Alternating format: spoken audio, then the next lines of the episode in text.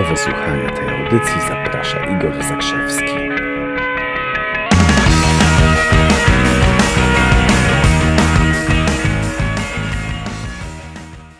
Cześć, cześć chłopaki i dziewczyny. Witam Was e, bardzo ciepło i serdecznie z Nowego Jorku. Trochę pada, jest dż- dżyście. Podróżowaliśmy prawie dobę, ale dzisiaj już od samego rana sobie ogarniamy różne tutaj fajne miejsca. Nie wiem, czy pamiętacie Pulp Fiction, taki film.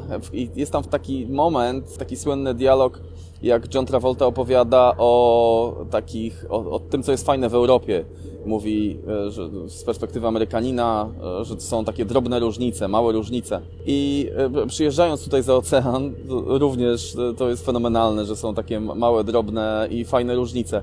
Pierwsza rzuciła mi się na lotnisku, w chwili, gdy podszedłem do oficera migracyjnego, ponieważ legendy opowiada się o przekraczaniu granicy amerykańskiej i tak dalej. To było o tyle fajne, że owszem, była krótka rozmowa, ale to, co mi się podoba, bo to już zauważyłem po raz któryś, to, co mi się podoba w amerykańskich urzędnikach, no bo to jest urzędnik, to, że z nimi można sobie robić jaja, można sobie z nimi robić brechty, można sobie po prostu żartować. Nie chcę być źle zrozumiany, bo teraz powiem o pewnym kontraście. Parę razy lądując w Warszawie na Okęciu, sp- spoza Schengen i podchodząc do, do panów w kontroli paszportowej, pamiętam kiedyś z córką wracałem, i ona powiedziała tak wesoło dzień dobry do, do jakiegoś pogranicznika. Gość miał tyle kamienną i smutną twarz, że nawet nie raczył odpowiedzieć na powitanie dziecka.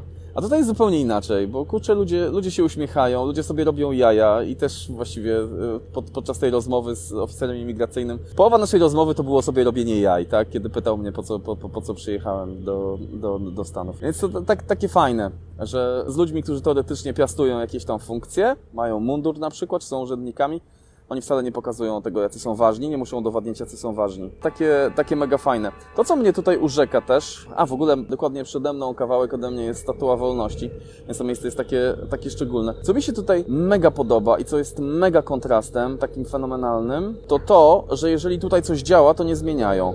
I to jest urzekające. Co mam na myśli?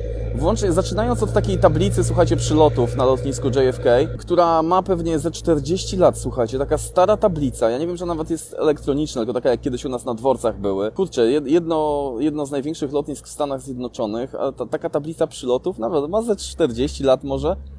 Ale działa, więc nikt nie ma potrzeby zmieniania tego. Tak samo jak patrzę sobie tutaj, w ogóle tu się czuję, nie wiem czy oglądaliście Ojca Chrzestnego, film, no? Ojciec Chrzestny, którąkolwiek z części. To przechadzając się tutaj ulicami Nowego Jorku, dokładnie czuję się jakbym był w grze Ojciec Chrzestny, na tyle mi się to mocno wbiło. Nawet rozpoznaję niektóre miejsca. To co mi się podoba, na przykład jeżdżą sobie takie tradycyjne, fajne, stare samochody FedExu czy UPS-a, firm kurierskich. I one też wygląda na to, jakby miały 30 czy 40 lat, ale działają. To, to, to po co zmieniać? Wygląda mi na to, że w ogóle Amerykanie są skoncentrowani na tym, żeby, że- żeby coś nowego wymyślać, ale żeby zmieniać to coś, co nie działa. A jak coś działa, to zostawiają. Zupełnie odwrotnie niż u nas. Dobra, tak czy tak, ja jutro już, e, ja jutro już pędzę na seminarium Robinsa, na przygotowanie do seminarium Robinsa, więc pewnie coś tam, co, coś tam wrzucę. Już będzie bardzo mocno energetycznie, bo dzisiaj jeszcze refleksyjnie zwiedzanie Nowego Jorku. Byliśmy w miejscu, gdzie stały dwie wieże e, WTC. To jest takie miejsce, które mega robi wrażenie, czyli taki odwrotny pomnik, bo pom, bo pomnik w zasadzie e, to taka wykopana dziura i tam opada woda.